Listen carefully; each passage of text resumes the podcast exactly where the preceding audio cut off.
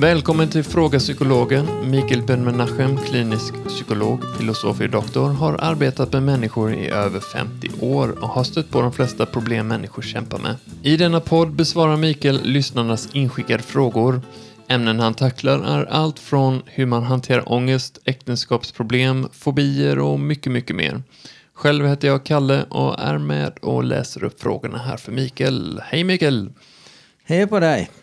Då är det Mona, och både Mona och Ulrika har skickat in en snarlika frågor om samma sak, eller samma ämne, och det handlar om eh, överaktiva barn. Eh, I det här fallet så handlar det om eh, en sjuåring som har just börjat skolan och lärarna rapporterar att den här parven inte kan sitta stilla och säger sig störa arbetsron i klassen och där har man ju hört en del om sista åren, får man säga, med eh, stökiga barn eller överaktiva barn och sådär. Vad är ditt perspektiv rörande detta, Mikael? Ja, det var en mycket intressant ämne faktiskt. Och, mm. För att uh, förstå det här uh, på riktigt så får vi gå tillbaka lite grann i tiden. Uh, och jag vill inte säga de gamla romarna, utan betydligt längre tillbaka i tiden. Vi kan väl säga kanske 40 000 år. Okay. Det var rätt så lång tid, eller hur? Mm. Och eh, då har människan precis börjat eh, och röra på sig. Och eh, vi vet ungefär efter alla artiklar och alla fynd som arkeologer har hittat så, så kan vi rätt så bra beskriva hur människan levde för cirka 40 000 år sedan. Mm. Och de var ju samlare, de var jägare och fiskare. Och um, de här sysselsättningarna de var ju oerhört viktiga för dem. För att det handlade ju om mat. Och om vi nu uh, tänker tillbaka i tiden så, så ser vi att eh, det här var ju primärt för människan att eh, hitta mat. Och eh, där är vi lite handikappade från början om vi jämför oss eh, med djur.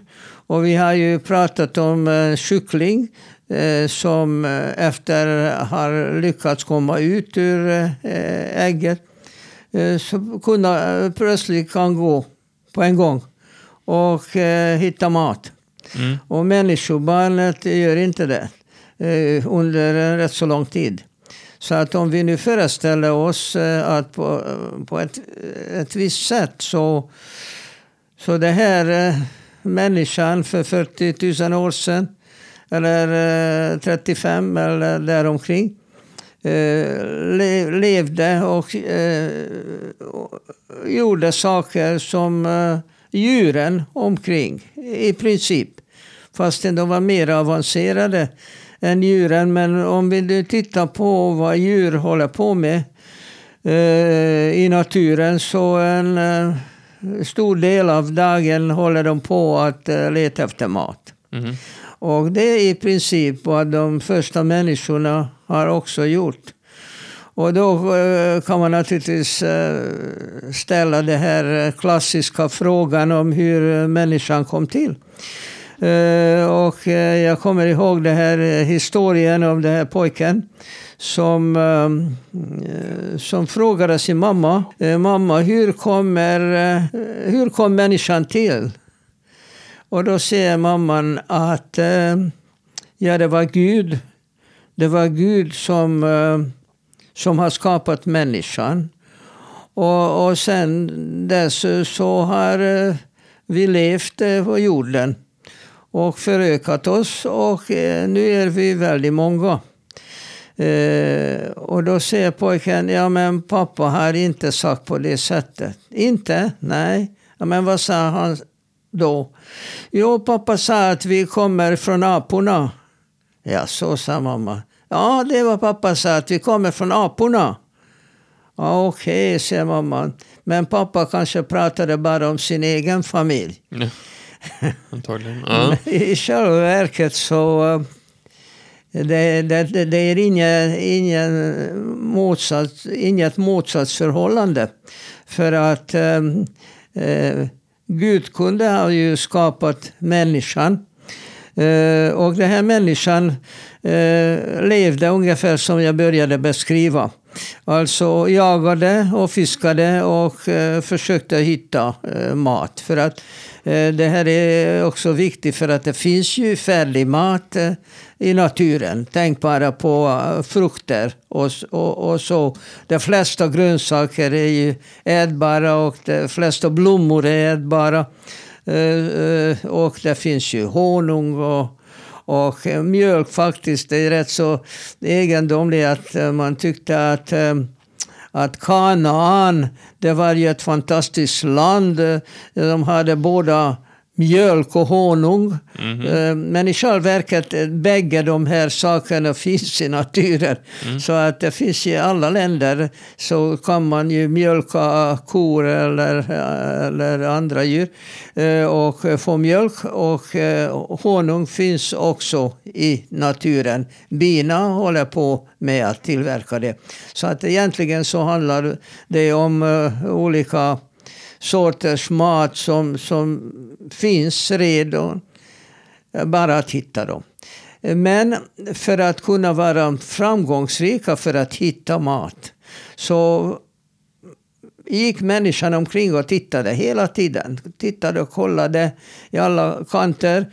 Och, och då, då, såg de ett djur så försökte de att eh, att döda det här djuret och det eh, kanske inte gick att, att, att fälla ett stort djur så, så nöjde de sig med ett mindre. Eh, annars så, så fick de eh, ingen mat för dagen. Så att eh, de sysslade väldigt mycket med, eh, med att, eh, att hitta mat. Och det, det alltså var deras huvudsysselsättning. Och när de har lyckats hitta då, då försökte de att eh, tillrätta det här maten om det behövdes eh, så. Och naturligtvis eh, så uppfann de också elden, att de kunde koka eller steka och så vidare. Men de behövde då också samla ved eller samla grenar och så vidare för att kunna göra upp eld. Eh, hur som helst, människan, människan var fysiskt väldigt aktiv mm. och eh, gick omkring och, och letade och letade. Och eh, hjärnan var ju anpassad, det här levande. Och under årtusenden så blev människans liv annorlunda. Och eh, jag kan ge ett exempel på det att, att eh, förstå vad jag menar. Eh, jag kommer ju från Ungern och ungrarna som kommer från ett område eh, mellan Uralberget och Turkiet, alltså Svarta havsområdet. Och de vandrade västerut efter att de har varit rätt så nära Turkiet först. 800-talet, alltså folkvandringens tid. Och, och då var de eh, beridna cowboys kan man säga. Mm. Eh, som eh, höll halva Europa i skräck. Men när de kom till Karpatbaljan, alltså det här eh, jordbruksområdet som omges av eh, höga berg, Karpaterna, och därför kallas för Karpatbaljan. För att det är faktiskt skyddat från eh, de flesta håll. Eh, och det har faktiskt ett namn även i Bibeln för att eh, i Bibeln beskriver ju att när man kommer in i ett, ett ställe som kan betraktas som bosättningsområde, alltså där människan kan bo och eh, då måste man ha väggar lite omkring. Och eh, det här området betraktades ju som ett sådant skyddat område. Men där bodde redan eh, olika folkslag. De var av olika slaviska eh, origin. Och eh, de var jordbrukare. Nu talar vi om eh, 800-900-talet. Och de var ju jordbrukare och de visade till de här eh, cowboys eh, hur man sköter djur. Alltså man behöver inte leta efter djur och fälla. Utan där, där hade de redan. De hade ju sina hästar och sina kor och, eh, eh och eh, sina lamm. Och eh, då visade de hur man gör. Att dessa djur finns hos dem. Och man kan använda dem för att få mjölk och kan använda dem för att, att slakta ibland några får eller så och, och få kött. Och eh, man utnyttjade då um, ull för, för att uh, göra garn och uh, väva till tyg. Uh, alltså de var på sätt och vis mer avancerade. Och då började då också de här cowboys lära sig att vara mera bofasta och syssla med jordbruk. Och jordbruk betyder ju att bruka jorden. Där man skulle ju så och eh, skörda eh, precis som, eh, som de växte, dessa eh, grödor. Huvudsaken är att hjärnan som utvecklades hela tiden eh, krävde en, en viss eh, förändring också för att människan ska kunna göra de sakerna. Så att eh, hjärnan utvecklas hela tiden för att anpassa sig eh, efter eh, förutsättningarna i en viss miljö. Fanns det överaktiva barn vid den här tiden? Då? Överaktiva, de var alla överaktiva. Barn, vuxna, alla. Annars okay. skulle de inte klara sig eh, om de inte hela tiden letade efter mat och ögonen var överallt ja. hela tiden.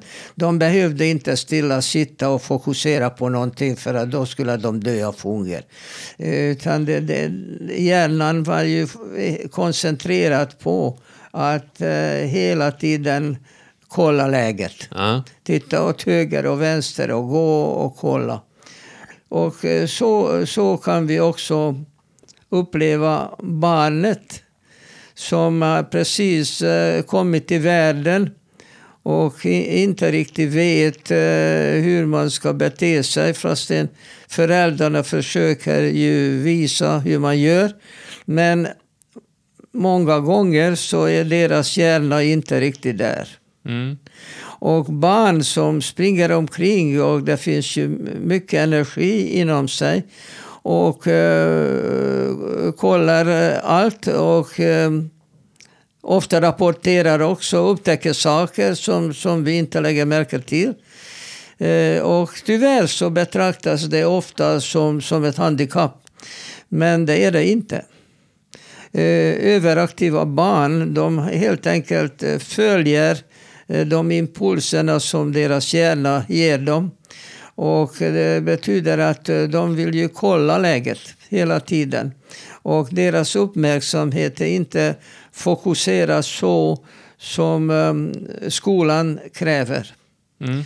Uh, jag har sett faktiskt rapport där uh, en lärare skriver till föräldrarna att eh, lille Kalle eh, springer för mycket.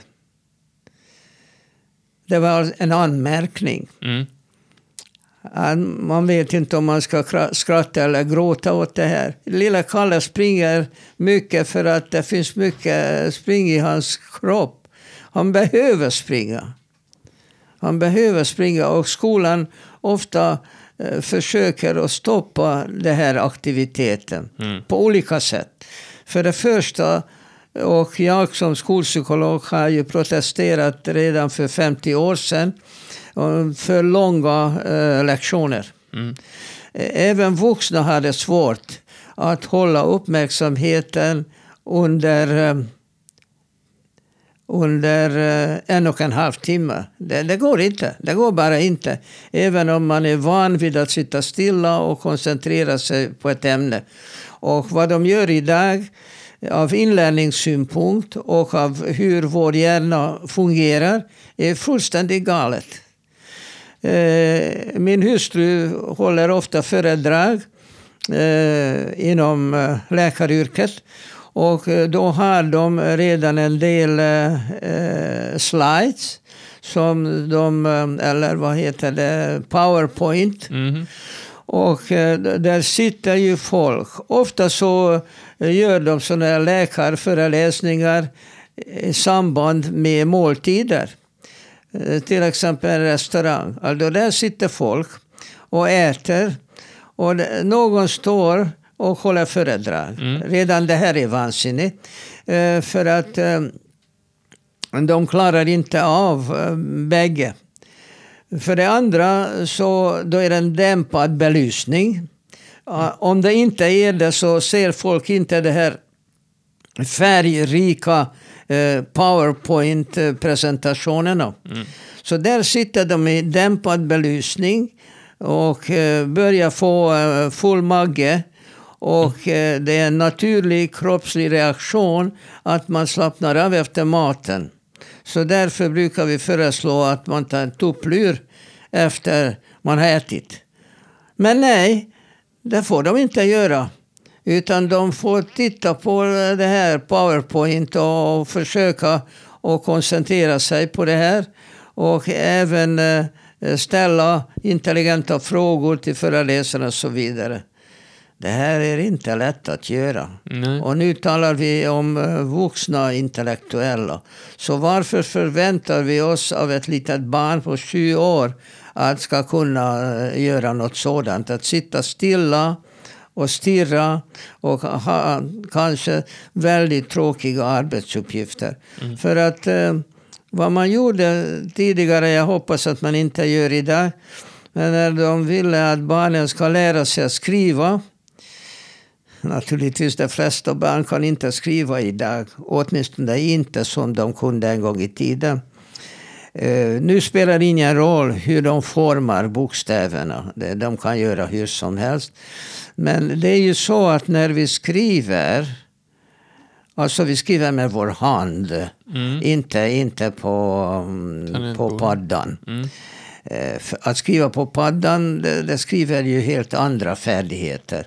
Men om vi ser att man skriver för hand, som de flesta barn inte klarar av idag egentligen ordentligt. Utan om du har sett eh, hur barn skriver idag oavsett åldern så, så är du kanske överraskad att de har aldrig lärt sig hur man formar bokstäver. Och det gör inte så mycket eh, så länge du gör anteckningar för dig själv och du kan själv läsa vad du har skrivit.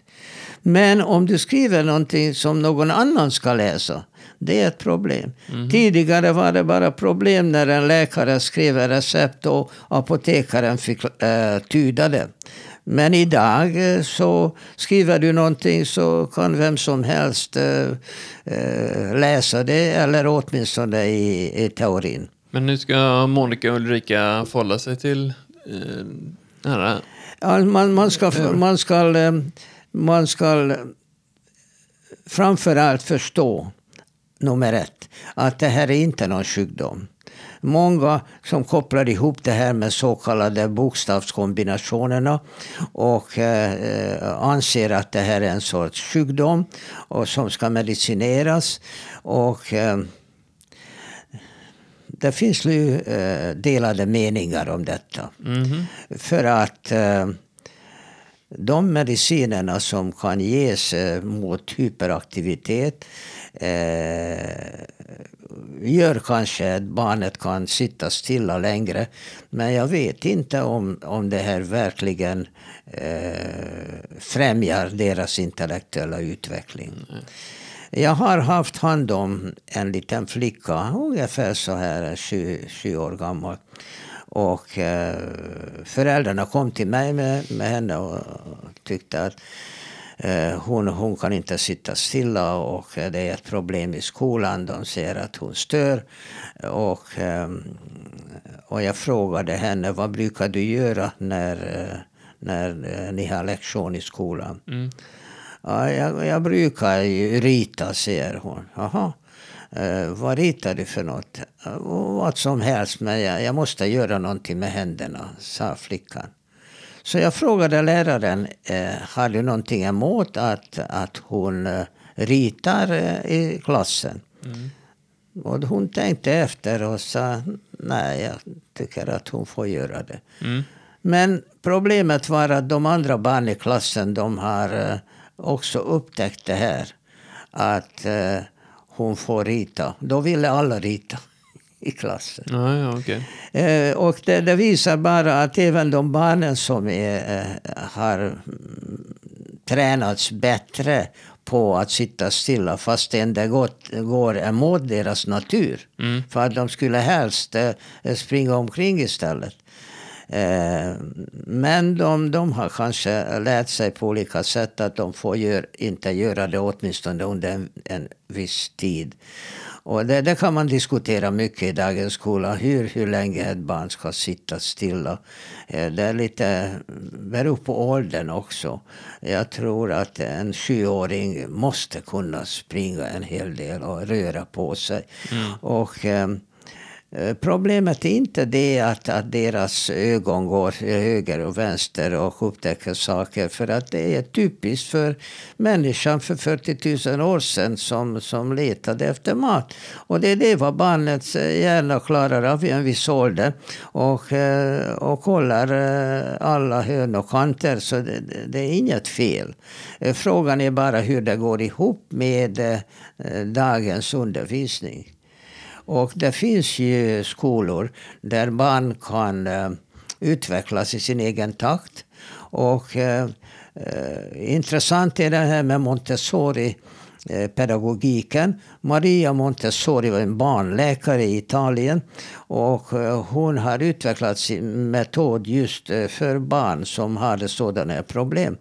Och på grund av att, att barn utvecklas bättre om de får göra i sin egen takt så blev det här metoden väldigt populär i Sverige. Och eh, idag så, så många föräldrar vill sätta sina barn i Montessori-skolor för att eh, eh de utvecklas då eh, individuellt eh, så att eh, läraren låter dem göra saker som är mer anpassade deras ålder. Och det är inte ovanligt i en Montessori-klass att det sitter flera årskurser i samma klassrum och har eh, olika arbetsuppgifter. Och det går jättebra. Eh, och de här Montessori-skolorna eh, brukar i regel visa bra resultat. Nu kan man naturligtvis också eh, tycka att det här är ett socialt fenomen. Att vissa samhällsklasser och vissa föräldrar med en viss ambitionsnivå sätter sina barn till sådana skolor som är populära på det sättet och eh, anses vara mera, mera förnäma. Det kan man diskutera. Det finns någonting i det. Det finns någonting i det. Jag har ju varit eh, psykolog för Montessori-skolor, till exempel Samskolan i Göteborg. Och eh, Många föräldrar försöker sätta sina barn i samskolan, bland dem min dot- ena dotter. Och eh, det är inte lätt att komma in, det är så många som söker eh, och eh, de som inte är tillräckligt envisa ger upp. Men när man kommer till en sån här skola så upptäcker jag att själva undervisningen är inte så märkvärdig. Det är inte dugg bättre på något sätt kvalitativt än andra skolor. Det är barnen som är annorlunda.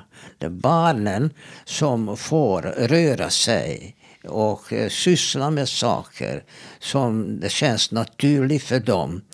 Eh, de är lugnare. Mm. Även om vi upplever dem kanske att de är jobbiga för att de springer omkring, gör saker och ting som de inte borde göra just då i den stunden. Ändå så utvecklas de mer harmoniskt. Så att de här föräldrarna som är oroliga för att deras barn eh, är, hyperaktiv eh, skulle jag vilja säga att eh, det här är mycket normalt och mycket naturligt. Och man behöver inte tvinga sina barn. Och tidigare så fanns sådana här skolmognadsprov. Vet inte hur populära de är idag. Men man ser det på sitt eget barn om, om hon är redo att sitta stilla en halvtimme eller 40 minuter. Däremot så tycker jag som psykolog att för en sjuåring att sitta stilla mer än 30-40 minuter, det är fullständigt fel. Ja, det är plågsamt. Ja, nej, jag håller med. Uh, yes, om ni har mer frågor just rörande till exempel skola eller eh, barns eh, utveckling och sånt där så, så är det ämnen som eh, vi gärna tar upp i framtiden, eller hur Mikael? Absolut. Yes. Det är väldigt viktigt. Det är mycket populärt just nu. Eh, Men de, liksom, de föräldrarna ofta så eh, är nöjda med om barnet är testad och konstateras att ja, hon är hyperaktiv. Den här testningen är fullständigt onödig, det visste föräldern innan.